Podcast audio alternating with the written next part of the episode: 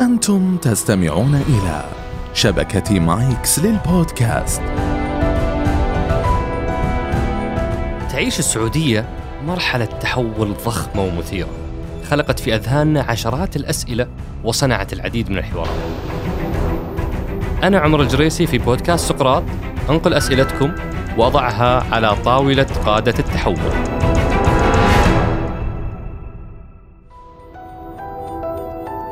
ضيف هذه الحلقة سعادة الدكتور إبراهيم المعجل المدير العام لصندوق التنمية الصناعية. بدأ ضيفنا مسيرته كمهندس كهربائي في أرامكو السعودية ثم عاد ليكمل دراساته العليا في جامعة ستانفورد حتى حصل على شهادة الدكتوراه منها في عام 2009 بعدها عاد لأرامكو ليشغل مناصب عديدة كان آخرها مدير إدارة الاستثمار. كما أنه عضو في العديد من مجالس إدارات شركات كبرى مثل الشركة العربية للتعدين ومجموعة سامبا المالية. وفي إبريل من عام 2018 عين في منصبه الحالي كمدير عام لصندوق التنمية الصناعية.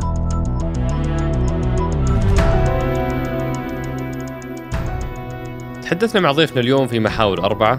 المحور الأول تعرفنا على ما هو صندوق التنمية الصناعية. متى انطلق؟ وما هو دوره سابقا وما هو دوره اليوم بعد إطلاق برنامج تطوير الصناعة الوطنية والخدمات اللوجستية. وفي المحور الثاني تعرفنا على أبرز مكاسب العام الأول للدكتور إبراهيم في قيادته لهذا الصندوق على صعيد المنشأة نفسها والجهات الحكومية والقطاع الخاص أو المستثمرين. تعمقنا بشكل كبير في مبادرات الصندوق للمنشآت الصغيرة والمتوسطة. وفي المحور الثالث تعرفنا على أبرز دروس التحول وما هي التحديات الثلاثة اللي واجهها ضيفنا. وهل من السهل إقناع منظمة ناجحة نسبيا أن تخوض رحلة تحول وفي المحور الرابع والأخير طرحنا أكبر قدر ممكن من أسئلتكم اللي وصلتنا عبر سناب شات وحساب البرنامج في تويتر. سألناه عن أسباب تأخر تطبيق تقنيات الجيل الرابع في القطاع الصناعي ومتى سيتم الالتفات للقطاع اللوجستي. وحتى أسئلتكم الشخصية طرحناها عليه مثل ليش توقف عن استخدام حسابه في سناب شات وأسئلة أخرى. أترككم مع الحوار.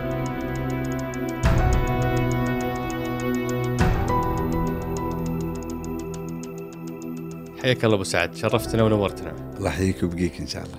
آه، أبو سعد أنا أعرف إن اللقاء عن آه، مدير صندوق التنمية الصناعي بس أحس إني ما أقدر أبدأ بدون ما أسأل عن سر التميز الأكاديمي. أنت ما شاء الله آه، أعتقد الأول على دفعتك 97 ولا لا؟ الحمد لله. على مستوى المملكة. الحمد لله. وبعدين يعني ما شاء الله تبارك الله بكالوريوس وبعدين اثنين ماجستير ودكتوراه والماجستير والدكتوراه من ستانفورد. فوش سر هالتميز الأكاديمي؟ ما أدري كان لها سر بس صراحة كان شغف التعليم وحرص الوالد والوالدة الله يحفظهم. حرصهم وحرصهم على التعليم وحرصهم على دعمنا وتركيز إن التعليم هو الشيء اللي يبقى لك. إن الواحد يبني نفسه بنفسه. وش معنات حرص؟ عشان الآباء اليوم خلهم يتعلمون. وش معنات يعني وش المثال أو أو شيء أو أسلوب متبع لهالتحفيز على على طلب العلم في أعلى ما شاء الله المنظمات التعليمية. في أكثر من طريقة بس بختار ثلاث مثلا ثلاث محاور، المحور الأول حتى في سفرنا وكذا كان في حرص زيارة متاحف، برامج تدريبية، أذكر إلى الآن وأنا في الابتدائي متحف أقلام رصاص في ألمانيا. ما شاء الله. ما تخيلت بروح متحف أقلام رصاص، ولكن تأثير الشخص على الشخص بالسؤال والاستطلاع وشوف وش يحتاج. الثانية مثلا في حرصهم هم في النقاش معنا. مثلا إذا تكلم مع الوالد اهتمامه ولا الوالدة آه، اهتمامها أكثر شيء معنا بالدراسة. كثير من النقاش يعني ما أذكر تكلمنا عن أي شخص غيرنا إحنا وإذا تكلمنا معظمها عن دراسة درست فيكونوا مهتمين بالمعلومات ولا المواضيع اللي عندي في المواضيع هذه. جربوا الحديث على الآخرين و... ما عمرنا تكلمنا عن أحد. الوالدة الله يذكرها بخير. ويعني بشهاده الوالد الوالدة كانت هي أساس التربيه والثالثة انه يعني يحطون الجو المناسب للدراسة. في قوانين اذكر وأنا صغير الساعة 8 الليل كنا في بيت بيوت صغيرة بين نحوش. الساعة 8 الليل أنت أسمع يا عمي برا يلعبون أنا في غرفتي ما في discipline بس مع تمكين يوم كبرت شوي صرت أنا ممكن أكثر. تبي تروح تبي تتحرك لك ثقة. لأنك صح وإنك disciplined وإنك مشيت على على النظام. ما شاء الله. الله يخليهم لك يا الله يجزاك بالجنه إحنا محورنا الأول أبو سعد أه من أنتم؟ الصندوق الصناعي هو مؤسسة أنشئت عام 1974 آه، برأس مال كان 500 مليون ريال ومع هدفها تشجيع النمو نمو القطاع الصناعي في المملكة. لو تلاحظ كانت رؤية طموحة جدا في عام 74 وش الصناعة في المملكة؟ نعم. الصناعة لا تذكر يعني حتى هي الملكيه لم تنشا انشات ذيك السنة بس كان في رؤية طموحة ان بنخلق صناعة في المملكة بنمكنها وأخرقنا البنية التحتية في الهيئة الملكية والتمويل من الصندوق. مع السنوات ارتفع رأس المال وارتفع اهتمام الدولة فيه. السنة هذه مع إطلاق برنامج الرؤية ولله الحمد ارتفع إلى 105 مليار ريال والتوجه إنه هو الممكن المالي الرئيس لبرنامج تطوير الصناعة الوطنية والخدمات اللوجستيه. بس قبل البرنامج وش كان دور الصندوق؟ وش وش مهمة الصندوق؟ الصندوق هو الممكن المالي للقطاع الصناعي في المملكة، هذا يعني المالي؟ هذا يعني إن أي مشروع صناعي يقدم الصندوق يقدم دراسة دراسة فنية وتسويقية ومالية وإذا رأى جدوى اقتصادية للمشروع والمستثمر اللي فيه الصندوق يعطي تمويل طويل متوسط طويل الامد لدعم وتحفيز الربحية في المشروع هذا. فأنتم تسوون الدراسة المالية والتسويقية والفنية، أنتم تسوونها. إحنا نسوي دراستنا مبنية على دراسة المستثمر ولكن نعيد دراستها، فكثير من المستثمرين قالوا إن أهم من الفلوس هو مراجعة الصندوق، نتأكد إنه ما هي مكتب استشاري أو شخص جهة محايدة تتأكد تكون معنا كشريكة لأن بالأخير الصندوق يدعم من 50% إلى 75% من تكلفة مشروع. فإن يضع فيه أكثر من المستثمر نفسه فنتأكد من جدوى المشروع وهدفنا إن نرى مشاريع تنجح. آه تاريخ حافل يعني دعمنا أكثر من 4000 آه قرض آه واعتمدنا قروض بأكثر من 150 مليار ريال ومعظمها كانت في آخر عشر سنوات. ما شاء الله. وعادة وش أهم المعايير اللي تناظرونها قبل ما تعتمدون القرض؟ هي قدرة المشروع على النجاح، يعني أهم شيء نتأكد أن نخلق مشروع يقدر ينافس وينجح.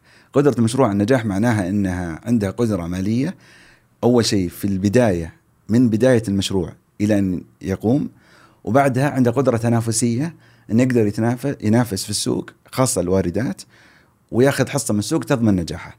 هدفنا خلق مؤسسات صناعية قوية. بس بناء على هالتعريف آه، أبو سعد إحنا نشوف مثلا في 2016 2017 لما آه، آه، ارتفعت رسوم العمالة ولما ارتفع شوي أسعار الطاقة أو تقلل الدعم حقها كل القطاع الصناعي كان في وضع يعني صعب جدا فه فهل كان الصندوق يدعم هذا القطاع بكامله بدون ما يخليه قطاع مستقل ما زال قطاع قائم على الدعم الحكومي. هي التحول اللي قاعد يصير في الاقتصاد عموما هو التحول ان يكون اقتصاد بقياده القطاع الخاص. فالصندوق دوره ممكن وليس قائد. أنا ما أقدر أقول القطاع الخاص استثمر هنا أو هنا. زي توجه الرؤية عموما بقيادة ولي العهد إنه القطاع الخاص هو قائد الرؤية. فللتعامل مع هالأشياء الصندوق أخذ زمان مبادرة وأطلق منتجات مالية متخصصة. منتج مالي رفع أساسي رفع كفاءة الإنتاج. علشان أقدر أكون منافس لازم أرفع كفاءة إنتاجي في المصنع وهذه تعني أتمتة رقمنة وكفاءة الطاقة. فأعطى حلول تمويلية واستشارية استشارية مجانية وتمويلية مخفضة أكثر حتى من من حلول تمويلية للصندوق. فترة سداد أطول وفترة سماح أعلى أو أطول لتدعم التحول القطاع إلى قطاع تنافسي قوي. فالنموذج اللي بني من 74 إلى 2016 ولا 17 اليوم أنتم أيضا تساعدون في التحول الصناعي. لهالمصانع بأنها تتحول إلى نموذج أكثر استدامة، صحيح. نموذج أكثر كفاءة، آه، الثورة الصناعية الرابعة اللي ممكن هذه بعدين نجي نفصل فيها أكثر. آه، فهذا اليوم أنتم أيضا تدعمونه مصانع قائمة تدعمونها للتحول صحيح آه، والصندوق دعم في أكثر مرحلة تحول مثلا مع بداية المدن الصناعية الصندوق يمول مصانع الجاهز القائمة اللي ترغب بالانتقال للمدن الصناعية للاستفادة من خدماتها. والآن ندعم في أكثر من برنامج أهمها مثلا برنامج كفاءة إنتاجية ويدعم أي مصنع قائم حتى القطاعات اللي مغلقة من الصندوق ندعمها في رفع كفاءتها. والآن طبعا في 2019 أصبح الصندوق الصناعي أو صندوق التنمية الصناعية هو الممكن المالي لبرنامج تطوير الصناعة أه والخدمات اللوجستية. ودي تشرح لي وش معنات خدمات لوجستية وبعدين تشرح لي ماذا يعني هالدور الجديد اللي عليكم. الخدمات اللوجستية تشمل جميع نق... أي خدمة تعنى بنقل البضائع والأشخاص في في في قطاع سل... في جميع سلاسل الإمداد. فمثلا البرنامج يشمل أكثر من الصناعة والخدمات اللوجستية يشمل الصناعة والخدمات اللوجستية والطاقة والتعدين. وش معناها؟ ليش الأربعة مع بعض؟ لأن ناخذ المدخلات الأساسية من طاقة أو تعدين إلى صناعة إلى خدمات لوجستية توصلها للمستفيد الأخير. فالفكرة كانت فكرة البرنامج أن نحول المملكة إلى منصة صناعية لوجستية متميزة ورائدة في المنطقة. الصندوق هدفه يكون الممكن المالي الرئيسي لهذا. فهذا هو الدور الجديد للصندوق. صحيح. و... ولما نقول اذا لأن هذا هذا أكثر سؤال يجي وش معنات خدمة لوجستية؟ فبلخص إجابتك هي نقل الأشياء والأشخاص في سلاسل الإمداد من نقطة إلى نقطة. طبعا تعريفها موجود في مع تحت. الاستراتيجية اللوجستية مع وزارة النقل. بالنسبة للصندوق الصناعي دورة. بدأنا بدعم خدمات التخزين وال 3 PL وال 4 PL فبدأنا فيها الآن. أطلقناها مع إطلاق برنامج الرؤية في فبراير. ممكن تشرح وش هي 3 PL يعني ال third party third party service و fourth party service الفكرة إذا أنت بتسوي منطقة للتخليص والتخزين والآخر توصيل آخر آه، mile, mile. هذه الشركات اللي تعطي الخدمات المتكاملة الآن صندوق يمولها، كان أول صندوق يمولها على الاستحياء نعم. في المناطق الصناعية لخدمة الصناعة، الآن في فبراير أطلقنا تمويلها لجميع المناطق وجميع الخدمات. حتى لو شركات مختصة بال e-commerce التجارة الإلكترونية الصندوق يمول القطاع اللوجستي هذا. القطاع اللوجستي العام يشمل من قطارات إلى مطارات إلى شركات شحن إلى شركات نقل بحري. هذه كلها أنتم تدخلون تمويلها الآن؟ ندخل شوي شوي بخطوات في السنة هذه. يعني مثلا المشروع مثل مشروع الجسر البري بين الرياض وجدة اللي أجل أكثر مرة وأصبح الآن آه، آه، متروك للقطاع الخاص انه إنه هو اللي ينفذه ممكن الصندوق هو اللي يكون ممول؟ إذا كان المنفذ هو القطاع الخاص الصندوق مع تغيير آه، رؤية الصندوق بيكون هو بيكون أحد ممولين هالبرنامج. جميل. آه من فبراير الآن كم آه مشروع تقدم لكم في في مجال اللوجيستكس إذا إذا الرقم موجود في ذهنك؟ إحنا إحنا ما نذكر عشان ما نجيب ما نحب نعطي معلومات عن عن اللي يقدمون على الصندوق. بس تقدم العديد يعني أكثر من من 30 أو 40 مشروع تقدموا من فبراير وبعضها يوافق عليها قريبا إن شاء الله. جميل. آه في مجال التعدين ومجال الطاقة. أعتقد عمل أنت عملت فترة في في كابسارك في مجال توطين أو أو صناعات الطاقة الشمسية. صحيح. آه كيف ممكن يخدم الصندوق مج... آه، آه، هدف توطين صناعة الطاقة الشمسية والمتجددة. الصندوق تاريخه يدعم أي صناعة فصناعة الطاقة المتجدده لو بتسوي أنت اللوائح البص... اللوائح الشمسية أو الأجهزة اللي تعنى بها الصندوق يمول هالمشاريع الآن. آه ولكن اللي بيتغير إن حتى استخدام الطاقة الشمسية كطاقة بيمول الصندوق. فاحد المراحل اللي بتطلق واللي أعلن عنها في برنامج الرؤيه وبتطلق السنة هذه بإذن الرحمن الرحيم هي لو أنا مثلا بحط طاقة شمسية لمول أو لمجمع سكني الصندوق بيدخل في التمويل هذا إن شاء الله. أها. فما هي بمسألة تصنيع الألواح؟ استخدام الطاقة الشمسية. فلو في مول ولا مشروع عقاري ولا سكني ولا ايا كان المشروع يستهدف تنفيذ طاقة شمسية فأنتم أيضا تمولونه. سنموله. سنموله. هذا التحول الصندوق بدأ من برنامج الطاقة برنامج الرؤية. فأول خطوة كانت القطاع اللوجستي. وعندنا خطة على هذه السنة نتوسع إلى الطاقة الشمسية والتعدين ومجالات الأخرى في النقل والخدمات اللوجستية في هذا العام إن شاء الله. جميل. آه يمكن أختم هالمحور بسؤال عن آه مجلس الإدارة. رئيس مجلس الإدارة هو المهندس خالد الفالح. صحيح. و أعضاء المجلس نعم. هم معالي المهندس خالد الفالح ومع رئيس المجلس ومعالي الأستاذ ياسر ميان آه، المشرف على صندوق الإستثمارات العامة. ومعالي المهندس عبد العزيز عبد الكريم النائب الوزير الطاقة لشؤون الصناعة آه، والدكتور عابد السعدون وكيل وزارة الطاقة لشؤون الشركات والأستاذ آه، عبد الله صالح العريفي وكيل وزارة المالية. فأنا هنا سؤالي يعني آه، اللي بختم فيها المحور. رئيس مجلس إدارة هو مهندس خالد الفالح. صحيح. اللي بعد إعادة هيكلة الأجهزة العامة في 7 مايو 2016 أصبحت منظومة الطاقة تحتها الفالح هو رئيس مجلس إدارة أرامكو مدينة الملك عبد الله. للطاقة الذرية المتجددة، مدينة الملك عبد العزيز لعلوم التقنية، الهيئة الملكية للجبال ينبع، صندوق التنمية الصناعي، كل هالمنظومة هذه آه، آه، تحت قيادة آه، خالد الفالح، وبرنامج تطوير الصناعة والخدمات اللوجستية برئاسة رئيس اللجنة هو خالد الفالح. فحدثنا عن هذا الرجل الذي يقود أهم الملفات في البلد. صراحة هو معالي المهندس خالد الفالح قدوة لي شخص كان مديرك صح؟ في أرامكو يعني ما كان المدير المباشر ولكن عملت تحت قيادته في أرامكو وكان شخص شغوف جدا للبلد يعني الواحد يمدح رئيسه صعب مم. شوي ولكن شغوف جدا للبلد ويعمل عمل بدون كيف يوفق بين هذول كلها؟ وش وش نمط ش- شخص القيادي؟ ما ي... شخص ما يوقف عمل صراحة أستحي إني أقول لرئيسي إني مشغول لأن مهما كنت مشغول هو مشغول أكثر مني ويعمل أكثر مني وت... وتعامله معنا في الصندوق صراحة تعامل رائع أعطانا صورة واضحة. في الاطار هذا ممكن جدا. آه، صلاحيات الإدارة آه، جيدة جدا مقارنة في التوجه المجلس. وإذا تحدانا دائما يتحدانا ليش ما نسوي أكثر؟ وليس لتحديد التوجه ولا التحديات تجي منه. ويمكن بعض الشيء اللي تشوفه الآن. هو إن أنتم تو يطلع الشيء هذا مؤخرا ها؟ بتسوون كذا لا نبي أكثر. بس هذا جميل. إذا لقيت رئيس يتحداك إنك تكون أفضل بس نفس الوقت يمكنك ويعطيك الصلاحيات والقدرة والدعم اللي تحتاجه إنك تكون أفضل. هذا شيء جميل. وجود يعني في كثير نقاش كان عن تشكيل المنظومة وكذا. صراحة وجود الصند كون الرئيس المجلس هو وزير الطاقة والصناعة وتحت رئاسته الجهات الممكنة الأخرى للصناعة مفيد جدا لنا. صحيح. لأنه ساعد على التكامل بيننا. من أول الخدمات اللي سويناها في إبريل بعد ما عينت كان إطلاق منصة أرض وقرض بينه وبين مدن هيئة المدن الصناعية فبدل ما المستثمر يستثمر في الأرض وينتظر قرض الصندوق أو العكس تكامل. صار بين القطاعات جميل. ومفيد جدا لأن رئيسنا واحد وتوجهه واحد أتذكر أنا يمكن آه، في فترة معينة كان مثلا ملف الطاقة المتجددة تعمل فيه أربع خمس جهات متفرقة وكل واحدة تعمل لوحدها آه، اليوم بعد ما صارت منظومة الطاقة آه، تحت آه، آه، قيادة واحدة أصبح ترتيب آه، الملفات صحيح. وتكاملها ومنع التكرار والهدر آه، أكبر. وهذا شيء جميل صراحة في برامج الرؤية عموما. يعني أفضل شيء أشوفه في يعني أنا جديد على الحكومة يعني يمكن مو بجديد مرة الآن ولكن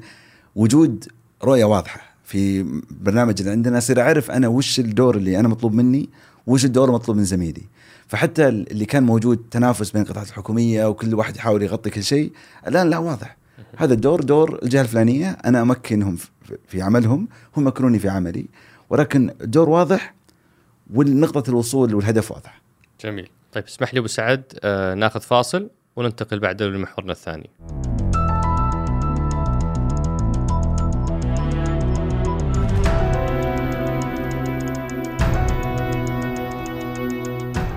الله يعطيك العافية أبو سعد. الله يجزاك. ننتقل الآن لمحورنا الثاني آه، اللي هو محور الأرقام لغة الأرقام. يعني المحور هذا الناس آه، تنتظر فيه آه، آه، أرقام حول ماذا حققتم. وابو سعد أنت كملت أو بكرة بتكمل سنة من لحظة تعيينك بشكل رسمي كقائد لصندوق التنمية الصناعية. فما الذي تم تحقيقه في هذه السنة؟ الحمد لله لتوفيق الله وجهود الشباب والشابات في الصندوق الصناعي تم تحقيق كثير. هو امتداد للعمل الذي بدأ قبل. يعني سعادة الأستاذ عبد الكريم النافع الرئيس اللي سبقني آه، بدأ من 2015 وعمل كثير على رفع كفاءة المنشأة يعني حتى نظام ERP ما كان فيه آه، التواصل الداخلي كان خطابات طريقة توظيف كلها تحسنت بقيادة آه، أستاذنا عبد الكريم النافع فأنا استلمت المشعل من بعده كان في ثلاث محاور أساسية، محور المنشأة، محور العلاقة مع الجهات الحكومية، ومحور القطاع الخاص. لو بطول شوي اسمح لي بس بتكلم عن كل محور. براحتك. محور المنشأة هو اللي عملنا عليه انه كيف اعاده تهيئة المنشأة لتتكا... لتتوائم مع تصور برنامج الرؤية. فعملنا على تحسين بيئة العمل، على استقطاب الك- الكوادر، إعادة وشيء أنا شغوف فيه جدا إعادة تشكيل طريقة التدريب في الصندوق. يمكن نتكلم عنها بعدين. نعم ال- الاستثمار في من الماجستير إلى برنامج ستانفورد برنامج فيتش آه، الآن ننتقل إن شاء الله السنة ال- أول السنة القادمة مبنى جديد فعملنا على تغيير. تغيير بيئه العمل صحيح إنه في المركز المالي؟ إي بإذن الرحمن الرحيم ما شاء الله. انت أول من ينقل هناك الظاهر. عاد ما أتوقع من أوائلهم على الأقل. السامبا موجود يعني بس مبناهم موجود. نعم. إحنا إن شاء الله من أوائل الجهات اللي بتنقل إن شاء الله. فمحور منشأة. المنشأة وإعادة حتى هيكلة المنشأة وكان عمل صراحة أخذ وقت كثير. ولكن الحمد لله وفقنا فيه. وجهود الصندوق الصناعي صراحة جميل جدا إن في شغف من منسوبي الصندوق للصندوق وفي ولاء جميل له والبعض فالبيئة جميلة جدا وتساعد على دعم التغيير. مثلا في استقطاب السيدات قبل سنتين وشوي ما كان عندنا ولا سيدة. الآن تقريبا 10% وبدأ توظيف آه، أستاذ عبد الكريم النافع. آه، في السنة الماضية في 2018 50% من جميع المستجدين الصندوق كانوا سيدات وصلنا الآن أكثر من 10% من منسوبي الصندوق. مع هذا التغيير ثقافة المنشأة ما تغيرت الناس كلهم حسوا بدعم وكان ما كان متوقع المنشأة ما تعودت على الشيء هذا. فهذا المحور الأول. المحور الثاني مع الجهات الحكومية صندوق فعل دوره كممكن للجهات الأخرى وليس فقط كدورة للصندوق. أولها كان يكون ممكن رئيسي لبرنامج آه، تطوير الصناعة والخدمات اللوجستية. ولكن أيضا الآن في عدة برامج مثل برنامج تقنيه البناء آه، آه، كثير من العمل يكون عن طريق الصندوق. اللي هو برنامج الإسكان. تحت تقنيه البناء اللي تحت برنامج الإسكان. نعم. وش كان دوركم؟ إحنا الممولين التمويل عن طريق الصندوق. فرأس المال الإضافي له وضع للصندوق فتقييم المشاريع تقييم الفني للمشاريع انها تتوافق مع وزارة الإسكان تحت وزارة الإسكان ولكن التقييم الفني للمشروع نفسه المصنع والتسويقي والتأمين مصنعين حتى الآن ولا؟ لا أكثر أكثر, أكثر. بكثير. وقعنا مصنعين من أول ما بدينا. ولكن ما يحضرني رقم البرنامج. وفي أخوان مؤهلين للحديث عن البرنامج اللي ماسكين الرؤية. أيضا وقعنا في فبراير مع بنك الصادرات آه لتحريك الدفعة الأولية وبدينا العمل فيه. فهل في في هذه البرامج وبرامج أخرى كان دور الصندوق يكون يستفيد من قدراته المالية والائتمانية لخدمة البرامج الاخرى. فالهدف فيها ما يكون الصندوق مثلا هو اللي موجود يوقع للصادرات ولا تقنيه البناء ولا البرامج الثانية وإنما يعطي خدماته لهم ويكون اللي في الواجهة البرنامج المسؤول عن الخدمة هذه. ممكن توضحها أكثر بالضبط وش يعني خلينا نأخذ مثال آه، آه، تقنيات البناء. مثلا وش قدمتوا غير التمويل؟ لا بس حتى التمويل ترى أي. إنك خلينا نفكر في التمويل، أي. لو بنسوي لكل جهة تمويلية وكل فكرة تمويلية جهاز يشتغل عليها. مو بعد حتى التاخير الوقت إنك تبني الجهاز هذا. مم. أول شيء يكلفك فيأخذ من فلوس المبادرة لبناء الجهاز. بعدين ياخذ وقت إنك تخلق جهاز في قدرة تشغيلية وحوكمة وطريقة تنفيذ. صعب جدا تعيد خلقه في أكثر من محل. فبدل ما ت... بدل ما تعيد خلقه وتعيد تضيعها إحنا قلنا لا. إحنا بنكبر شوي. فانشانا اداره ونغطي هالمبادرات ونستفيد من القدرة الموجودة في الصندوق. والصادرات أنا أنا كاني سمعت إنه فيه بنك للصادرات. في بنك الصادرات أنشئ كمو أسس بأمر سامي ويعمل على إنشائه. ثم من من برنامج تحفيز القطاع الخاص رصد 5 مليار لأول عمل إلى أن يتم إنشاء البنك. وتم حتى أعلنها مع الوزير دعم مجموعة من الشركات ب 800 مليون ريال. وقع في فبراير بين البنك الصادرات أو هيئة الصادرات اللي تشرف على البنك والصندوق الصناعي تقديم نفس هذه الخدمات. فالخدمات يعني ال middle و back office المراجعه الائتمانية وغير التنفيذ نفسه للتمويل بس دراسة الجدوى ومراجعه الائتمانية وتنفيذ الصرف والاسترداد وال... كلها عن طريق الصندوق. آه ما شاء الله. فهذا هو المحور الثاني اللي هو تمكين الجهات الحكومية. المحور الثالث اللي هو القطاع الخاص وهذا أهم محور. نعم اللي هو المستفيد. المستفيد الأساسي في القطاعات اللي نخدمها اول اساسها الصناعة. عملنا كثير آه، معهم. التحدي اللي يواجهونه معنا نحن صراحة يعني بطيئين آه، شروطنا كثيرة. أو هو شروط كثيرة هذه تحتها كم خط؟ أكيد أكيد. آه، صراحة يعني الواحد يكون صريح يعني ما والله هذه الشجاعه إنك تبدأ ب ما تحل المشاكل لما لما تعرفها. وجلست كثير مع إحنا كمنظومة جلسنا كثير مع القطاع الخاص في لقاءات مفتوحة ولقاءات مغلقة ولقاءات مع أشخاص معينين عشان نفهم ورصدنا كل التحديات. أهمها هالاثنين فعدنا آه، أهمها ثلاثة اكشلي ثلاثة. الأول الإجراءات بطء الإجراءات وكثر الشروط والتسرب الوظيفي في الصندوق لأنه يأثر عليهم. لأن التسرب الوظيفي في الصندوق معناها ما عنده مدير علاقة ما يقدر يتعامل مع شخص يعيد بناء العلاقة كل فترة. وعملنا على الثلاثة. الأولى حلناها مع المحور الأول هي المنشأة. فعملنا تعديل للكادر والاستثمار في التطوير فجعلنا البيئة جاذبة أكثر ومكنا الاستثمار أكثر في بس كيف كيف يعني لو لو في أي شواهد أو أو أرقام في موضوع بطء الإجراءات ما بدأ- الذي تغير؟ البطء الاجراءات الحين بجيك هي اللي. الحين نشتغل عليها. بس إيه. على الأقل تسرب أبدأ فيها. آه بديت بالتسرب بديت في التسرب التسرب مثلا قل التسرب الوظيفي من 2017 ل 2018 تقريبا 40% ونطمح أكثر في 2019 إن شاء الله. لا نزال نرى أن الصندوق هو منبع للقادات فنتمنى أن كثير من قادات القطاع الخاص والحكومي يأتون من الصندوق. بس نتمنى أنهم يجلسون فترة أطول شوي. جاك جاك علم إنه في يعني فئات تسمي الصندوق هو برنامج ابتعاث موازي.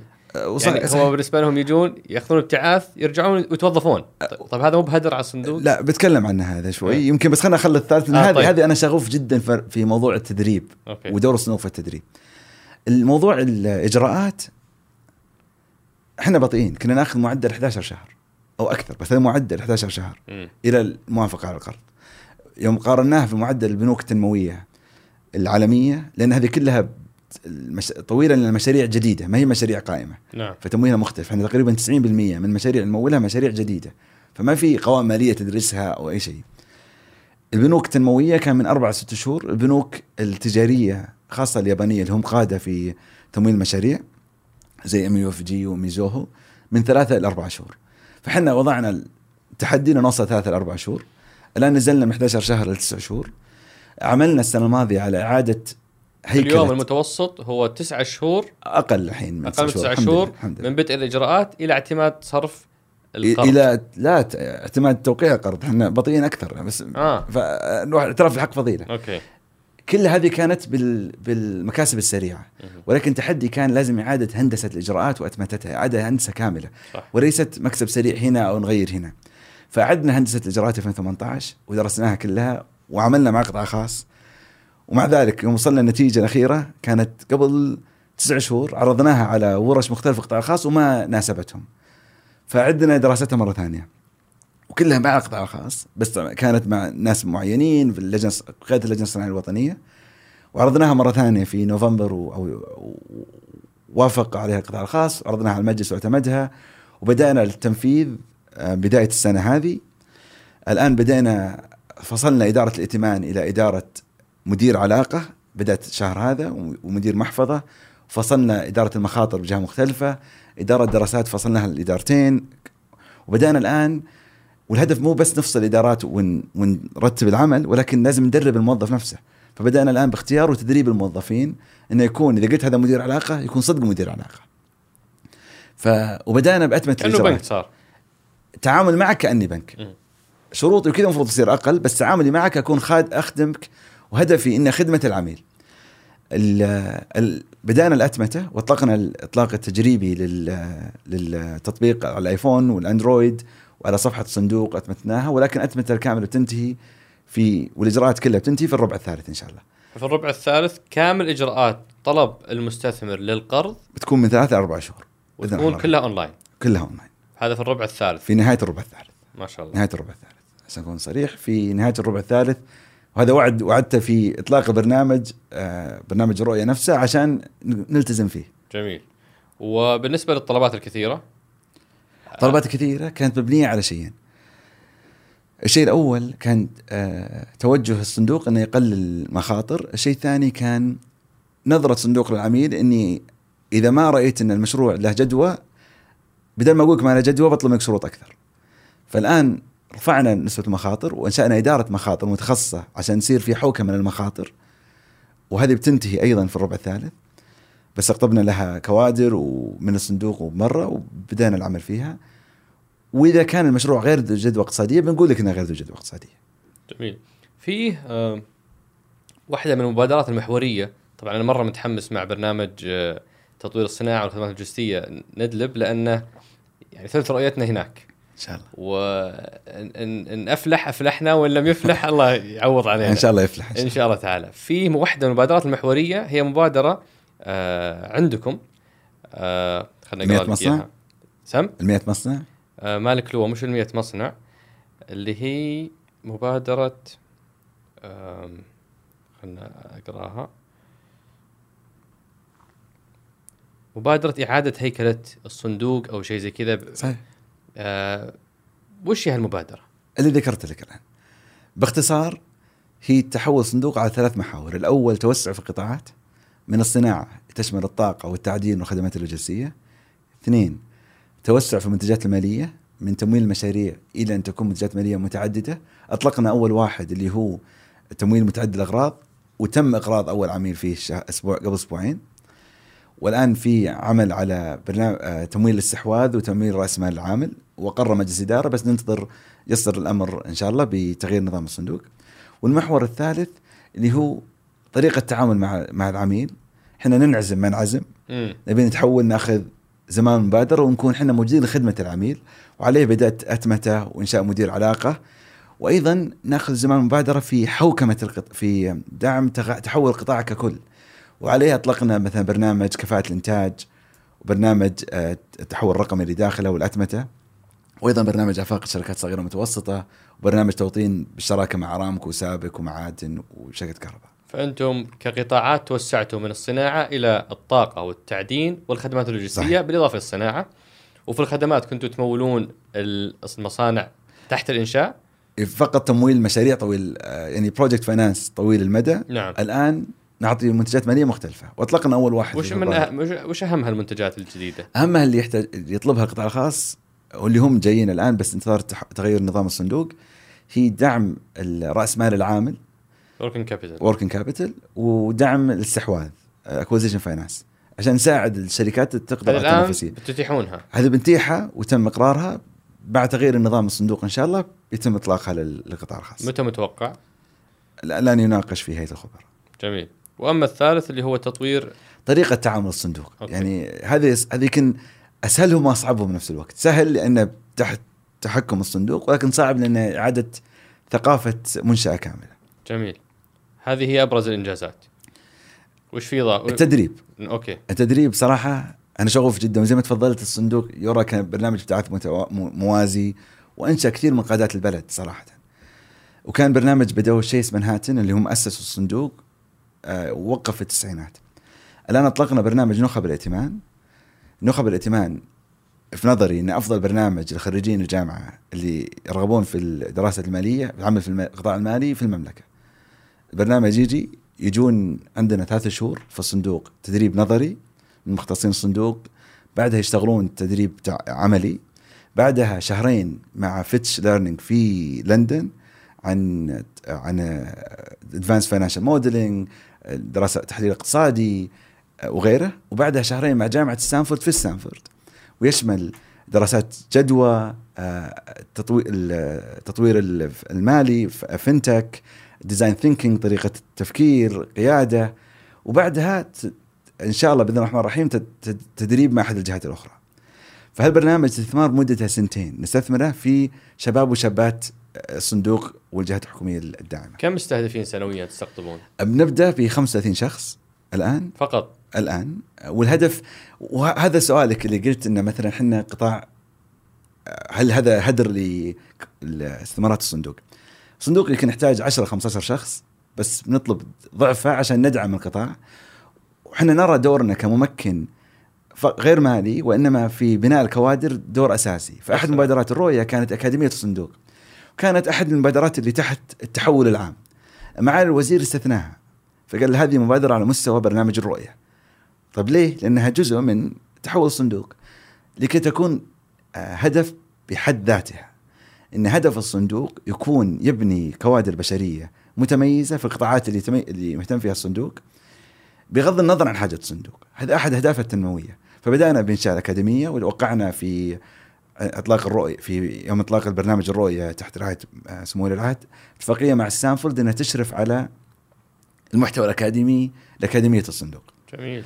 وبدأنا الآن العمل نخب الائتمان هو أولها آه وبيأتي عقبها برنامج في في التسويق وفي آه الدراسات الهندسية والفنية.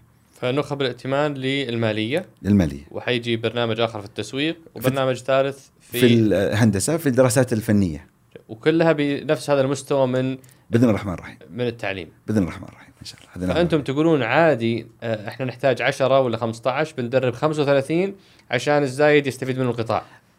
نستفيد منهم بس بناخذ كأنك شركة استشارية اللي كثير شباب وإن شاء الله نستفيد منهم بتدريب قيادات جيدة تعرف تقود مجموعة أكبر.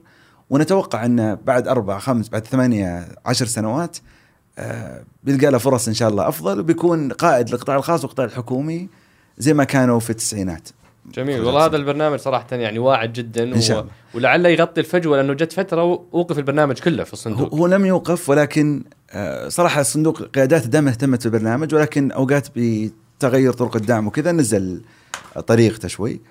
الآن أبشرك اللي قدموا على البرنامج عدد كبير جدا. وكثير منهم متميزين فبنستفيد منهم لنا وبنستفيد منهم جهات حكومية أخرى. هذه ال database يعني ما شاء الله. الحمد لله الحمد كم لله. كم تقدم؟ الحمد لله الحمد لله. رقم جيد ما شاء الله ما شاء الله. الله يزيد ويبارك. اللهم آمين اللهم آمين. آه طيب أبو سعد آه إحنا يعني لخصنا هالمحور في آه ثلاث يعني محطات مهمة كان فيها آه من نظركم أهم ما تحقق في في موضوع المنشأة تحسين بيئة العمل وبرامج التدريب وزياده الكوادر النسائية في الصندوق. آه وكذلك في المحور الثاني تمكين الجهات الحكومية. الأخرى مثل برنامج آه، تطوير الصناعة آه، أو برنامج الإسكان أو أو بنك الصادرات. والمحور الثالث هو خدمة ال- القطاع الخاص عبر تحسين الإجراءات. واللي يفترض أنها تكون مؤتمتة بالكامل في, في نهاية الربع الثالث من هذا العام. وتقل أو أو يعني إعادة تقليل الشروط ال- تقنين وتقليل الشروط صراحة الشروط يعني. نعم. وتقليل التسرب الوظيفي آه، بنسبة 40% خلال هذه السنة. صح الحمد لله.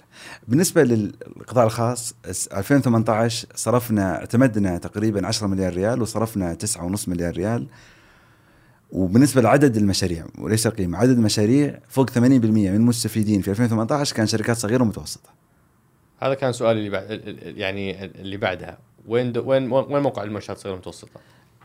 الحين في محفظة الصندوق القائمة آه، حسب تعريف هيئة المنشآت أكثر من ثلثين المستفيدين القائمين من الصندوق شركات صغيرة ومتوسطه أكثر من ثلثين كان شركات صغيرة ومتوسطه واللي كان موجود في 2018 فوق 80% من عدد القروض شرك اللي كانت موجهة لشركات صغيرة ومتوسطه أكثر من 80% من عدد المنشآت. من عدد المنشآت. كان شركات صغيرة ومتوسطه ال ال ال التحدي يصير السؤال الصعب اللي يمكن يجي مم. أنتم ما تدعمون رواد الأعمال يجيك شخص ما عنده فلوس يطلبوا منه ملاءه مالية. فالفكرة هي نبي نفصل بين تمويل كقرض وكرأس مال جريء. إحنا نحاول نتأكد ان إن رائد الأعمال ينجح. فرواد الأعمال اللي يبدون وعندهم فكرة رائعة ولكن ما عنده قدرة مالية إنه يرى المشروع للنجاح صعب تثقل هاكلة بقرض وتعرف إنه لن يستطيع أن يبلغ المشروع. فالمشروع مثلا لو يكلف 4 مليون ريال حتى لو عنده مثلا مليون بيضخه مليون قرض بنكي ومليونين من الصندوق الصناعة بطبيعتها إذا مشروع يكلف 4 مليون تحتاج أصلا 6 إلى 7 إلى أن يقوم المشروع. فمهم نتأكد إن رائد الأعمال عنده قدرة مالية يرى المشروع إلى النور. إذا ما كان كذا بيقف المشروع بيكون مثقل بقرض. فلدعم رائد الأعمال إنه يجيب تفكرون بحاضنات آه، آه، هذا اللي- سرعات أعمال؟ بشتك أطلقناها قبل يوم الأحد. ما شاء الله. مع بادر هذا الحلو في برامج الرؤية. في شراكة. في في تخصص وشراكة وتمكين بعض. يا سلام. أطلقنا مع بادر مسرع المنشات أنا ما الصناعيه قلت أبغى نعديها ولا قلنا هالإنجاز ده ما شاء الله. الحمد لله. يعني صراحة الواحد مهم يركز على اللي التحديات اللي يواجهها ولا الحمد لله يعني مجموعة في الصندوق وفقنا في شباب وشابات صراحة فيهم خير وبركة. فلو بذكر إنجازات اتفاقية بين صندوق وأرامكو وسابك وشركة الكهرباء والمعادن وبدأنا بتمويل مستفيدين من هذه الاتفاقيات. برنامج آفاق لدعم شركات صغيره متوسطه أطلقناه وبعدها بأسبوعين بدأنا بتمويل المستفيدين منه. اتفاقيات في برنامج تمويل الأتمتة ورفع كفاءة الطاقة ومولنا مستفيدين منها. آه، حتى مساعدة الشركات في الاجراءات الأمن والسلامة. آه، سوينا تدريب بعض المصانع كيف إجراءات أمن وسلامة يقودها الصندوق ففي في كثير من الإجراءات ولكن بس أنا حاولت على موضوع. المسرعات أو أو أو حاضنات الأعمال وش وش اللي اطلقتوه يوم الأحد؟ الفكرة هي وش كانت؟ إن إذا جاك رائد أعمال جيد متحمس وما عنده رأس مال شو نسوي؟ إذا مولته بقرض أنت تعرف إنه بيتعثر لأنه يحتاج رأس مال جريء وإذا قلت له راح دور مستثمر ما عنده قدرة تفاوضية بيجي أحد بيغلبه في التفاوض فالفكرة اللي وصلنا لها بالتكامل مع بادر إن نسوي مسرعة أعمال نقول تعال إذا عندك فكرة جيدة وأنت عندك خلفية جيدة وفاهم الفكرة تمر على برنامج بادر أولها أسبوعين كذا كورس آه، مكثف ورشة عمل مكثفة من شباب وشابات الصندوق وبادر بعدين عمل مع بادر بدعم يصل ل 650 ألف ريال ان تجهز الفكرة وإذا عديت البرنامج هذا وكان الفكرة أثبتت جديتها وقدرتها. نعطيك صندوق تمويل مشروط. ما نشترط أن يكون عندك ملاءه مالية ترى للنجاح وتعال. أنا بعطيك تمويل مشروط. هذا التمويل بشرط تجيب مستثمر. وش سويت الآن؟ أنا قويت قدرة الشاب أو الشابة إنه يتفاوض مع المستثمر. يقول تعال أبي مستثمر. أنا مو ما عندي شيء أنا عندي الفكرة وعندي مدروس مبادر وعندي قرض الصندوق جاهز. فكذا مكنت الشباب والشابات حتى إنه يستقطبون رأس مال جريء بقدرة تفاوضية قوية. فبدينا المسرع يوم الأحد. فانت تقول اذا اذا, إذا بادر اعتمدوك إحنا جاهزين. إحنا إحنا نعطيك القرض المشروط. وش اسم هذا البرنامج؟ برنامج مسرعات الصناعية. مسرعات الصناعية. مسرعات الصناعية. بالشراكة مع بادر. بالشراكة مع بادر. بالشراكة مع بادر. جميل. في نقاش مع جهات أخرى ولكن بادر إن شاء الله بنعمل معها في أنحاء المملكة. بدأنا 60 شاب وشابة منهم حتى ثلاثة بعد زيارتي لجامعة حايل تكرموا علينا وارسلوا ثلاثة من شاب شبابهم وشاباتهم وبدأوا معنا في المسرع هنا. ما شاء الله. فبدات في اليوم في 60 شاب وشابة صحيح. ضمن مسرعات الشراكة اللي بينكم بين بادر. صحيح. ما شاء الله. الله يزيد ويبارك. برنامج آفاق بالنسبة للشركات الصغيرة المتوسطه ركز على هذه الشركات الجديدة ولكن ركز وين الفجوة؟ في كثير من الجهات تدعم بداية المشروع. كثير من الجهات تدعم بداية المشروع، بنك التنميه الاجتماعي، صندوق الراس مال الجريء، صندوق صناديق تحت آه، مظلة آه، صندوق العامة وهيئة المنشآت وغيرها، واعد و... ولكن وجدنا فجوة في تسريع النمو. إذا انشات الشركة وصلت مرحلة معينة كيف تساعدها تنمو بسرعة؟ والفائدة الاقتصادية تأتي مو بإنشاء الشركات وإنما بتسريع نموها وتحول الصغيرة جدا إلى صغيرة والصغيرة المتوسطه وهكذا. فأنشأنا برنامج أول برنامج كان تسريع نمو الشركات هدف من القطاعات اللي ندعمها إذا في الثلاث سنوات الماضية لها لو نمو لو 5% شروط ميسرة موافقه خلال 12 أسبوع. ونصرف لها مقدم. 30% من قيمة القرض مقدم. وما نشترط ملاءه ماليه بدل ما نشترط كان أول قيمة القرض قيمة المشروع.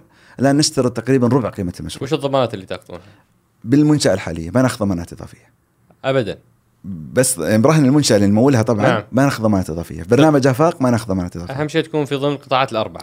والمشروع قائم وناجح. نمو نركز على المشاريع اللي تنمو فنمو جميل. نمو 5 5% في الثلاث سنوات الماضية طب هذا هذا يعني أعتقد إنه جدا, جدا مهم ولكن مولنا شركات عليه قد لا يكون فيه تسويق وتوعية كافية فيه لأنه كثير ناس تسال صحيح. تقول وين دور الصندوق مع صحيح. المنشات إذا إذا هذا هذا فعلا موجود فهذا هو المطلوب بالضبط. هذا موجود ومولنا أول شركة آه وإحنا ما نطل... ما نعلن شركات مولها إلا باستئذانها وهذا اذلنا الله يجزاه خير مشروع شركة واحد لينا للتمور في المدينة المنورة وما شاء الله تصدر معظم التمور اللي تصنعها ومولناها أول مشروع استفاد من برنامج آفاق.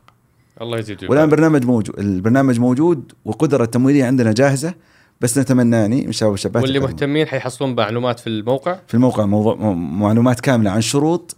واللي ما واذا في شيء مو واضح عندنا واتساب الأعمال. في رقم واتساب تسأل أي سؤال تبيه على الواتساب ونجاوبك. جميل. فالمهتمين في موضوع التمويل منشات صغيره متوسطه في هالقطاعات يزورون موقع الصندوق ويبحثون عن برنامج آفاق. وحنحط في آه أسفل الحلقة رقم الواتساب آه آه واتساب الأعمال الخاص بهالبرنامج. الله يعطيكم العافية أبو سعد. الله يعافيك طولت عليك لا بالعكس والله يعني آخر عشر دقائق دي اللي فوق البيع هذه اهم أهم عشر دقائق. طيب ناخذ فاصل قصير وننتقل لمحورنا الثالث.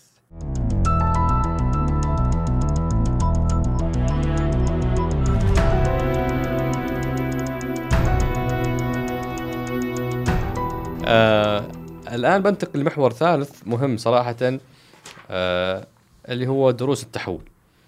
آه، يعني الانتقال من من صندوق يخدم آه، آه، فئة في قطاع وبرأس مال 40 مليار إلى صندوق يخدم أربع قطاعات أهم أربع قطاعات في البلد وبرأس مال 105 مليار. هذا تحول ضخم جدا. لا أعتقد أنه سلس ومهد بالورود. قطعا في تحديات فما هي أهم وأكبر التحديات اللي قاعدة تواجهكم اليوم؟ وكيف قاعدين تتعلمون منها وتتعاملون معها؟ سؤال كبير جدا طبعا بس بحاول أختصره بثلاث نقاط. تحديات. التحدي الأول تحدي داخلي. هو خاصة كمنشأة زي الصندوق كانت ناجحة وفاعلة. إقناع الناس بأهمية التحول ومرحلته وأهمية السرعة في التحول.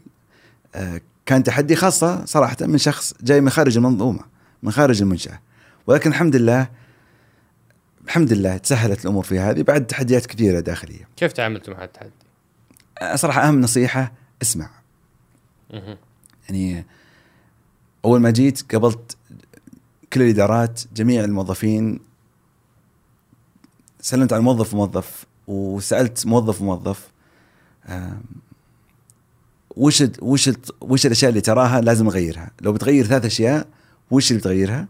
ولو بتحافظ على ثلاث أشياء وش تبي تحافظ عليه هذه سألتها لأغلب الموظفين اللي قابلتهم. وكنت أدور دور دور يعني الموجودين على الأقل في الدور. ما أقدر أقول كل موظف من 760 موظف ولكن كل الموجودين. وبعدين صرنا مع الإدارات المختلفة. وبعدها سوينا شيء اسمه منصة الإبداع. آه، أي فكرة عندك تطلقها هناك ويراجعونها المشرفين على المنصة. وتصير الباقي منسوبين الصندوق يصوتون عليها ويختاروا منها مجموعة وبعضها حتى أشياء داخلية عرضت على مجلس الإدارة واقرت. جميل. من مبادرة شباب وشابات. تذكر مثال معين؟ في مثال ولكن توه يقر مجلس الإدارة فما عندي صحيح إني أتكلم عنه بس مثلا اللي اللي ما وصل مجلس الإدارة وكان بقراري أنا مثلا من من فكرة إننا نعطي خدمات أفضل في بغوا الشباب مثلا برنامج توت سوس ماسترز وانشا في الصندوق برنامج الماجستير انشا في الصندوق آه، برنامج هذه كلها كانت من ضمن منصة الإبداع. منصة الإبداع. جميل. الماجستير كان دارسينه قبل ولكن شباب تبنوه من آه، من منصة الإبداع. آه، تركيز على طريقة بعض الشروط اللي تكلمنا عنها طلعت من منصة الإبداع. جميل. ففي فالتحدي الداخلي؟ الحل له إنك تسمع صراحة وإنك تحترم الشخص اللي يشتغل فترة طويلة ولا حتى جاي أول مرة يبدأ عندك وعنده شغف في شيء يتعلم منه إذا نظرت كشخص إني في شيء بتعلمه منه بس لازم تكون مقتنع جدا إنك تتعلم منه يساعدك أنت تعرف وش تحتاج ويساعدك أيضا تكسب ثقة المنظومة إنه بالتحول. بس وش الفيجن في موضوع التحدي الداخلي؟ وش ال vision اللي أنت قدمته لهم حتى تقول لهم هذا توجهنا الجديد اللي لازم ننطلق فيه بسرعة؟ أنا تكلمت أول شيء بدأت إن الصندوق جهة ناجحة في تاريخها. جهه بنت نجاح ذاك الوقت 44 سنة.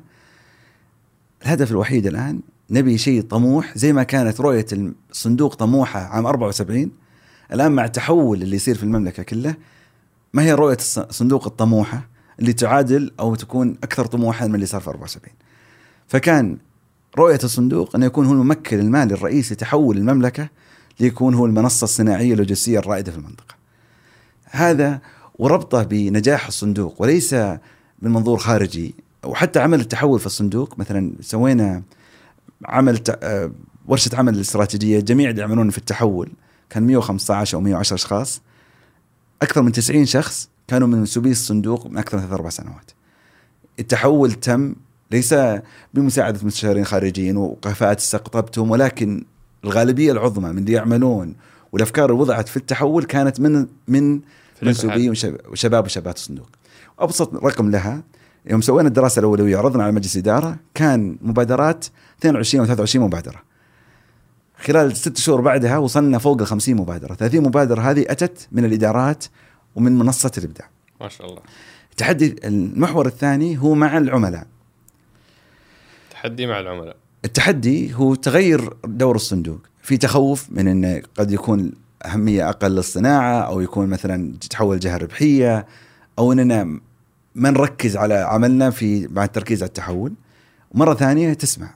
قابلت كثير كثير. وكنا نناقش معهم أشياء حتى قبل ما نعرضها على الإدارة المجلس الإدارة بتوجيه مجلس اداره فكان الهدف إنه يكون مو ما نقول إن إحنا دورنا ممكن وإنما حتى في عملنا نكون ممكنين. نتأكد هل اللي قاعد تسويه موجود إذا كان موجود هدفي إنه موجوده خدمه رجل الأعمال أو سيده الأعمال والمستثمر في القطاع هذا ورائد ورائده الأعمال لازم أسأله قبل هل هذا اللي تبيه؟ هل هذا بيحل المشكلة؟ وش التحديات تراها فيه؟ ونبدأ نجرب معهم وكثير من البرامج يعني في 2018 ما في ورشة عمل أذكرها يمكن إلا واحدة اللي عرضنا استراتيجية فيها وما طلعنا منها وغيرنا شيء في الاستراتيجية. التحدي الثالث في الجهات الحكومية وهو مع كثرة التغير وسرعة العمل الموجود الآن في ضغط على بعض الجهات أكثر في متطلبات كثيرة جدا فالموافقة بينها وتأكد ان نوصل بقدرة يعني إنك تنفذ المطلوب منك بس تنفذه بطريقة صحيحة هذا تحدي تحدي إنك تشرح وش قدرتك تقدر تنفذ كم تحتاج تبنيها. آه، أنا مثلا إني أقنع الجهة الحكومية إني بحتاج سنة وشوي لما أغير عادة هندسه الإجراءات. والأتمتة كان كان نقاش صعب جدا ولكن الحمد لله كان في رؤية في المجلس وفي الجهات الأخرى. بأهمية ومقدار التغيير اللي كنا نحدثه فيه. وبالحديث عن التحدي مع العملاء اليوم آه واحدة من الهواجس اللي موجودة آه الآن في برنامج تطوير الصناعة في سبع قطاعات تقريبا مستهدفة أو لها أولوية اللي هي الآلات والمعدات مصادر الطاقة المتجددة الصناعات الدوائية المستلزمات الطبية السيارات المواد الكيميائية والصناعات الغذائية ماذا يعني إنه هذه هي المجالات اللي لها أولوية. طيب وش بيسوون في باقي المجالات؟ المستثمرين في المجالات الأخرى. ماذا ينتظرون من الصندوق؟ واللي في هالمجالات ذات الأولوية وش ينتظرون من الصندوق؟ هل أنتم تفرقون بينهم؟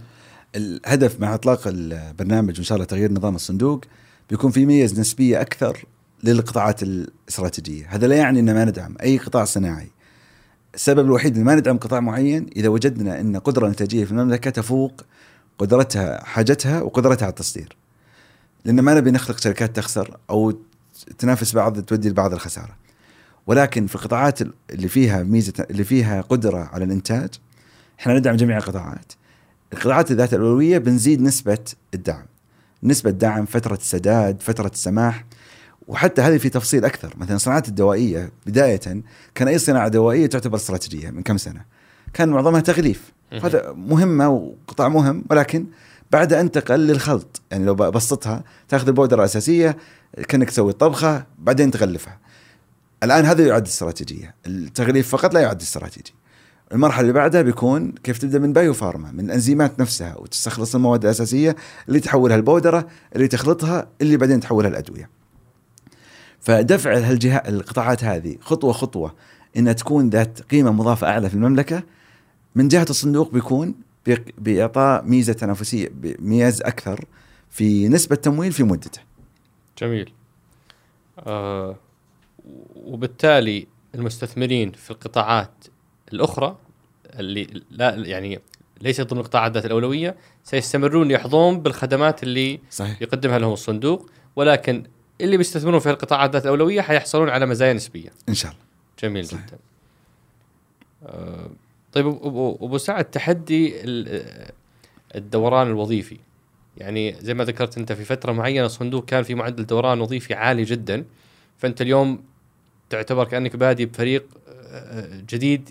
يعني ليس كثير منه آه، أصحاب خبرات طويلة في الصندوق. هل هذا يشكل تحدي؟ طبعا دوران وظيفي كان عالي جدا في إدارات معينة. آه، الصندوق كثير منه كفاءات في فترة طويلة موجودين فترة طويلة وإن شاء الله نجح الصندوق في المحافظة عليهم ونتمنى أن نقدر نحافظ عليهم. ولكن في إدارات معينة اللي عليها طلب من القطاع الخاص مثلا إدارة الائتمان سابقا الحين تحولت مدير علاقة إدارة إدارة دراسه المشاريع هذه عليها طلب أكثر والتحدي اللي كان موجود انه بعضهم يكمل مثلا أربع سنوات سنتين تدريب وسنتين عمل في الصندوق. إحنا نرى إن حتى القطاع الخاص عشان يستفيد منه نرى إنه المفروض يستمر ثمانية ل 10 سنوات. وبعدها بعضهم يستمرون كقادة في الصندوق وبعضها يستمرون يكتب لهم الله توفيق في قطاعات أخرى. نحلها عدلنا الكادر بس الأهم من تعديل الكادر هو الاستثمار في التدريب. يعني أطلقنا برنامج اللي قلت النخبه ائتمان ولكن أطلقنا أيضا برنامج مع ستانفورد للقيادات الشابة اللي أربع خمس سنوات أرسلنا السنة الصيف الماضي 35 شاب وشابة لستانفورد مدة شهرين ونرسل السنة هذه نفس العدد ثلثين من الصندوق وثلث من الجهات الحكومية الداعمة آه، ضاعفنا الاستثمار في التدريب. فمثلا بإذن الله بيصرف في 2019 يمكن ثلاث أضعاف اللي صرف في 2017 الهدف إنه يكون الصندوق نبي الشاب والشابه اللي مهتم يستثمر في نفسه ويطور نفسه يكون مكان الصندوق.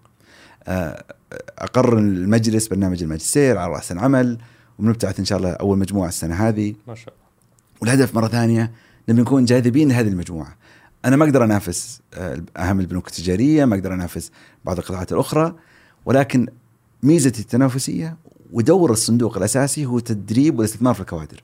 أنا شخصيا شغوف جدا وفقت في مجلس داعم جدا آه، جميع أعضاء المجلس وخصوصا معالي المهندس خالد فالح مع الأستاذ ياسر ريان داعمين جدا للاستثمار في الكوادر. جميل.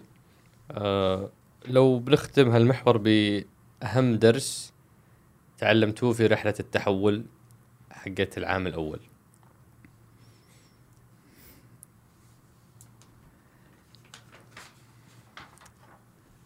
أهم درس آه، سؤال صعب.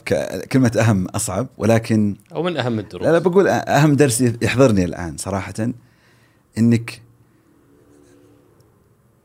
أهمية سوينا تجربة جميلة في آه، كنا في رابغ الجمعة والسبت. عن آه، زي management retreat كذا خلوة لإدارة الصندوق سووا تجربة لنا. قسمونا أربع فرق. كل فريق نصه ثلاث أشخاص. يعني نصه تغطى عيونهم ونصه تربط يدينهم. أنا كنت من يغمض عيني. اللي ربط عينه هم القادة واللي تغمض عينه هو المهنيين. فجالسين ما أدري إيش القصة جاء وقالوا عندكم عمل لازم تخلصونه. إحنا جالسين ننتظر. قال لي زميلي اللي مربط يده ترى أعطونا خيمة نبنيها الحين لازم نبنيها مع بعض. هم مربط يدينهم. واحد مربط يده واحد ما يشوف. واحد ما يشوف. ولازم يبنوا الخيمة. لازم يبنوا الخيمة. شلون؟ هي ترى مثال جميل لتحدي الثقة والقيادة. القيادة في كل مراحلها عندك نظرة أعلى تشوف إيش يصير. بس إذا كنت تتوقع إنك تشتغل بيدك ما أنت مخلص. لازم تفكر أنت يدك مربطة لأن عشان تكون قائد. معناها مو إنك أنت تسوي شيء. كيف تمكن مجموعة أكبر تعمل. ف وأنت ك أنا جزء من الفريق يوم غمضت عيني أقدر أعمل وحتى لو عندي خبرة وأنا يمكن أكثر واحد منهم يعرف أركب الخيم. مو من زين فيني بس الباقيين يمكن أقل مني خبرة في البر بس ما أقدر أشوف. فمهما كنت جيد لازم يكون في ثقة بيني وبين قيادتي مبنيه من الجهتين الحمد لله ما فزنا في المركز الأول فزنا المركز الثاني. والفاز المركز الأول يقول كنا ننتظركم ننتظركم على المدير العام المركز الأول أكيد إنه انفصل من وظيفته. لا. لأنه فاز على المدير العام ولا لا؟ أكيد طبعا. لا ما شاء الله. اللي فاز المركز الأول اللي نائب رئيس الأعمال كان غمض عينه أيضا. صار هو اللي يوجههم مر علي برا ما شاء الله. صار هو اللي يوجههم غمض عينه. بس الدرس اللي هنا مهم إنه النجاح يكون بتمكين الآخرين. إنك أقدر أقول أنا اقود ولا أنا كنت مدير الصندوق ولكن صراحة كمية العمل اللي اعمله مهما سويت ما تذكر مقارنة بالعمل اللي يصير في الصندوق. وهذا كل أقدر أقوله بسهولة بس لكي يعنيه لازم أعطي تمكين حقيقي آه، زملائي وزميلاتي في الصندوق. إيش معناها؟ إني أقول أنت مسؤول عن شيء معين مختصر هذه كالخيط والمخيط. إني أكون واثق في هالتمكين والدرس اللي تعلمته إن الشخص لو عمر يسويه 80% من اللي أنا به بس جاي من شغفه هو ونظرته هو أحسن مليون مرة من 100% من اللي أنا به بس جاية بمتابعتي أنا. التحول هذا صعب جدا خاصة يدورون يعني الأشياء الجيدة والحمد لله الحمد لله إن شاء الله إني في الطريق له إن شاء الله. ممتاز. ناخذ فاصل قصير أبو سعد وننتقل لمحورنا الرابع والأخير.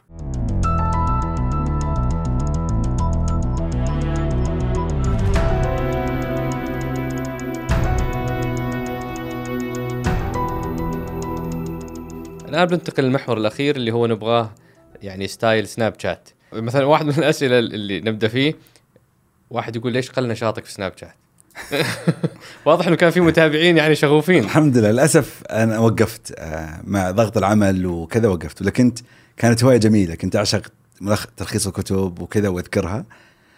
وكنت أراها هواية صراحة أحسن لي من أقدر انظر تلفزيون ولكن مع ضغط العمل ما حبيت ما قدرت تكمل لا والله ما قدرت واعتذر من الجميع يعني. في, أسئلة كثيرة عن برنامج نخب وغطيناه آه في سؤال هنا وش أبرز الصناعات اللي يستهدف الصندوق دعمها من أجل التصدير؟ هي الصناعات اللي ذكرتها هي كثير منها سبع مجالات وموجودة تحت برامج الرؤية آه شرحها كامل أي قطاع تراه للتصدير يدعمه الصندوق ويعطي دعم بنك الصادرات بقيادة أستاذ صالح السلمي يدعمون أيضا آه، تمويل الصادرات قبل وبعد. جميل، في سؤال هنا كيف ترى الحملة الترويجية اللي تمت عبر بعض المؤثرين في الفترة الماضية؟ كيف تقيمها؟ آه هذا جزء من تمكين تكلمنا عنه. أنا صراحة ما أتدخل في اختيار الأشخاص وكذا واللي طلبته من ولا أني بصراحة أتابع كثير ممثلين فما أعرف بالضبط اللي اختاروه أصلا. آه خاف يسمعون يزعلون بس أنا ما أتابع كثير. يلا أتابع آه عيالي. ال ال أرى كان مهم جدا إن برنامج زي نخب الائتمان يوصل لاكثر فئة ممكنة مهم جدا إن الاشخاص اللي نتعامل معهم يكونون يمثلون صورة الصندوق ويكونون مثلا أشخاص ذا قيمة مضافة بحد ذاتهم وإن شاء الله إحنا بنتوجه لنا دائما كذا إن نعمل مع أشخاص لهم قيمة مضافة بحد ذاتهم إن شاء الله. جميل. آه متى سيتم الالتفات لتطوير الخدمات اللوجستية؟ تم الالتفات لها في فبراير في فبراير وبنمول أول مشروع إن شاء الله إن شاء الله بإذن الرحمن الرحيم الشهر القادم. هل يوجد لدى الصندوق صناعات سعودية آه، مكتفية وبالتالي أوقفت الدعم لها؟ صحيح موجودة على صفحة الصندوق آه، قطاعات مغلقة لأنها وجدنا أن الكفاءة الموجودة أكثر من ضعف الطلب وكثير منها كفاءة معطلة فمعناها مصنع قائم ما يستخدم منه ال 40 50% منه ولكن مع ذلك إذا جانا القطاع هذا بطلبات تصدير موثقة آه، ندعمه والأهم من هذا إذا جاء القطاع المغلق ويبي يستثمر في كفاءة الطاقة ولا الأتمتة ولا الرقمنة ولا أي إجراءات تحسينية يمولها الصندوق. جميل. آه ماذا عن دعم المشاريع الصغيرة؟ تكلمنا عن برنامج آفاق وتكلمنا عن حاضنات أو الشراكه مع مع حاضنات بادر. آه سؤال هنا مرة مهم آه نحتاج مقدمة تنويرية وتعليمية وبعدين إجابة. لماذا لم نركز على صناعة الجيل الرابع والروبوت بحيث نحل مشكلة التوطين والعمالة؟ ممكن تعرفنا بشكل مختصر وش هي آه، آه، صناعة أو أو تقنية أو صناعة الجيل الرابع وليش ما هي موجودة عندنا؟ صناعة ال Industry 4.0 صناعة الجيل الرابع لو سألت مجموعة ناس كل واحد بيعطيك تعريف مختلف هي أساسها تعريفي أنا البسيط هي الصناعات المعتمدة على المعلومات وعلى ال... فكيف تجيب sensors ولاقطات وتبني وتطور قدرتك الإنتاجية باستخدام المعلومات. آه، الصندوق يمول التحول لها ومولنا مشروع آه، في التحول في رفع كفاءته في أتمتة إجراءاته. آه، أحد البرامج اطلقت في برنامج الرؤية كان تحول 100 مصنع ورفع كفاءة إنتاجية عموما تشمل منها التحول إلى الجيل الرابع بالشراكة مع مدن وشركة أخرى وبدأنا نعمل عليها. الصندوق أعلن أيضا أنه رصد 3 مليار ريال من محفظته لدعم هذا التحول بالذات. لو لو بنبسطها أبو سعد أنا مصنع أصنع شيبس. كيف كيف يتحول إلى تقنيات الجيل الرابع؟ أعطيك مثال بسيط شفته في العم... عشان يسالون عن اللوجستية بتكلم عن إيه. اللوجستية. زرت آه، شركات تخزين مستودعات. زرت ثلاثة. اثنين منهم السبت الماضي. واحد موجود عمالة تاخذ البضاعة تحطها وتشوف الأوراق وتراجع وتحطها الثانية الثاني وهذه أول مرحلة كان إجراء المسح كله رقمي يعرف وين بيروح وين يحطه وال... وتصور عندهم وش داخل كل جهه كل جهة وكله رقمي ممسوح. هذا الان بنتقل للمحور الثالث. يعني يجي يجي تجي البضاعة تحط على سير الشخص بس يحطها على السير السير يوزنها يرصدها يحط عليها ال tag number ثم يجي جهاز زي فوركليفت بس جهاز بدون أحد ياخذه يرفعه يوديه لمحل ثاني يجي جهاز كبير ياخذه ويحطه في المكان الاساسي له. وإذا طلب الجهاز الثاني ياخذه ينزله. جهاز صغير ياخذه من مكان كلها بدون تدخل بشري. بدون تدخل بشري. أو تدخل خلف شاشة من المركز. هذا نبي ندعم التحول الصناعة والخدمات اللوجستية من المرحلة الأولى هذه إلى المرحلة الثالثة. فمثلا مصنع الشيبس مصانع كلها عندهم خطوط إنتاج بعض النقل بين خطوط إنتاج يدوي بعضها التعامل تعبئة تغليف. كلها يدوية نبي نأتمتها. في الدول العالم كثير منها هذه تأثر على التوظيف. إحنا في السعودية وضعنا ممتاز هذه بتساعدنا على التوظيف. إن ترفع القيمة المضافة للوظيفة مما يساعد على رفع نسبة السعودة. صحيح. تقدر تدفع رواتب أفضل وتأخذ كوادر أعلى. بالضبط. آه هل طبيعة تمويل الخدمات اللوجستية تصل لحد البنيه التحتية بما انه اغلبها أو كثير منها حيكون له علاقة بالبنيه التحتية؟ حسب تعريف البنية التحتية ولكن مع مثلا الموانئ إذا كانت باستثمار قطاع خاص سيمولها الصندوق ما عملنا نعمل ما أعلنا تفاصيل الدعم هذه القطاعات إلى الآن ونعمل مع اللجنة اللوجستية عليها. فما بعد تم يعني تعريفها بشكل نهائي. تعريف تفاصيل الشروط بشكل نهائي. إحنا قلنا نبدأ مرحليا كل مرحلة نضيف قطاع عشان نبني الكوادر اللي فيه. نسهل اعلن واقول سويت كل شيء وأنا ما عندي يعني ما ودي نعلن شيء إلا إحنا عندنا قدرة ان نسويه صراحة. فمقلين في توقيع اتفاقيات مقلين في الإعلان. جميل. آه لماذا لا تنشر استراتيجية الصندوق ومستهدفاته؟ هل هي منشورة ولا ولا لم تنشروها؟ هي طبعا عرضناها في جميع الغرف الغرف الصناعية. بس هل في نسخة مثلا على موقعكم والله ما يحضرني إذا ما في بتأكد إنه موجوده إحنا من نعيد صياغة الصفحة كاملة إن شاء الله. جميل. آه، دعمكم لماذا هناك مناطق في المملكة لم تكن في الخطة الصناعية؟ هل في مناطق في المملكة لم تكن ضمن خطتكم الصناعية أو أنتم ما ما تستهدفون دعمها؟ لا, لا بالعكس إحنا المناطق اللي الواعدة نعطيها نسب تمويل أعلى فمثلا المصانع اللي تأخذ 50% في الرياض تأخذ 75% في جيزان. ونسب والبرنامج الصندوق أقرها البرنامج 2011 وضاعف عدد وتمويل القروض في المناطق الواعدة بعد هذا. فالآن تقريبا آه، ما أذكر 23 أو 25% من القروض من قيمة القروض اللي يدعمها الصندوق في مناطق واعده وليست في مدن رئيسية. جميل. آه، ما الأقرب للتوظيف في المجال اللوجستي؟ هندسة كهربائية ولا هندسة صناعية؟ أنا ماني بشركة توظف في المجال اللوجستي ولكن أنا صراحة نصيحة للتوظيف عموما إذا لقيت مجال جيد وأنت شغوف فيه تقدر تضيف فيه ربي يوفقك إن شاء الله. السؤال قبل الأخير، كيف ستنافس المصانع الوطنية المصانع الصينية ذات الجودة العالية المدعومة من الحكومة؟ هذا هدف برنامج. الدعم الحكومي للصناعة الآن بالبنية التحتية من المدن الملكيه بالتمويل من الصندوق. وأيضا القدرة التنافسية تغيرت، اولا كان يعني باختصرها العمالة الرخيصة بتخسر للأتمتة. والحجم الكبير بيخسر للكستمايزيشن يعني إنك تحديد الأشياء. الآن الصناعة اختلفت فكثير من الشركات اللي تلقاها تنافس لأنها متخصصة ومؤتمتة. فهذه تقدر تنافس حتى مع الشركات الصينية؟ آه ما زال في أسئلة كثيرة بس ما ودنا نطول. آه السؤال ختامي. ما هو انطباعك قبل ما تدخل الصندوق وما هو انطباعك اليوم؟ عن الصندوق وعن القطاع. الوالد الله حفظه كان رئيس اللجنه الصناعيه الوطنية فترة طويلة. آه فعندي تصور كثير عن القطاع والتحديات اللي واجهها القطاع وشفت عايشت تجربة الوالد من القطاع الخاص في التحديات اللي واجهها في القطاع. كان عندي صورة جميلة عن الصندوق إن جهة يعني منفذة وإنشأت صح وعندها دي إن اي كويس وكان عندي صورة واقعية عن التحديات تواجه القطاع. اللي ما توقعته هو شغف يعني أنا أعرف جودة منسوبي الصندوق وأنا توقعت شغف منسوبي الصندوق للصندوق والبحث. البيئة عندنا جميلة جدا لله الحمد. وما اخذ مو بفضل لي ولا اللي قبلي بيئة موجودة على عمر الصندوق صراحة. وهذا شيء جميل جدا ويسعدني كل يوم إذا رحت الصندوق. ما شاء الله تبارك الله. آه أنا جدا سعدت باستضافتك أبو سعد وشرفتنا ونتمنى لكم إن شاء الله كل التوفيق في في رحلتكم المتبقية في تمكين قطاع الصناعة والتعدين والطاقة والخدمات اللوجستية. الله يجزاك في الجنة. الشرف لي صراحة وسعيد جدا بوجودي معكم. وعذرا عن الاطاله. ما قصرت. شكرا جزيلا لك.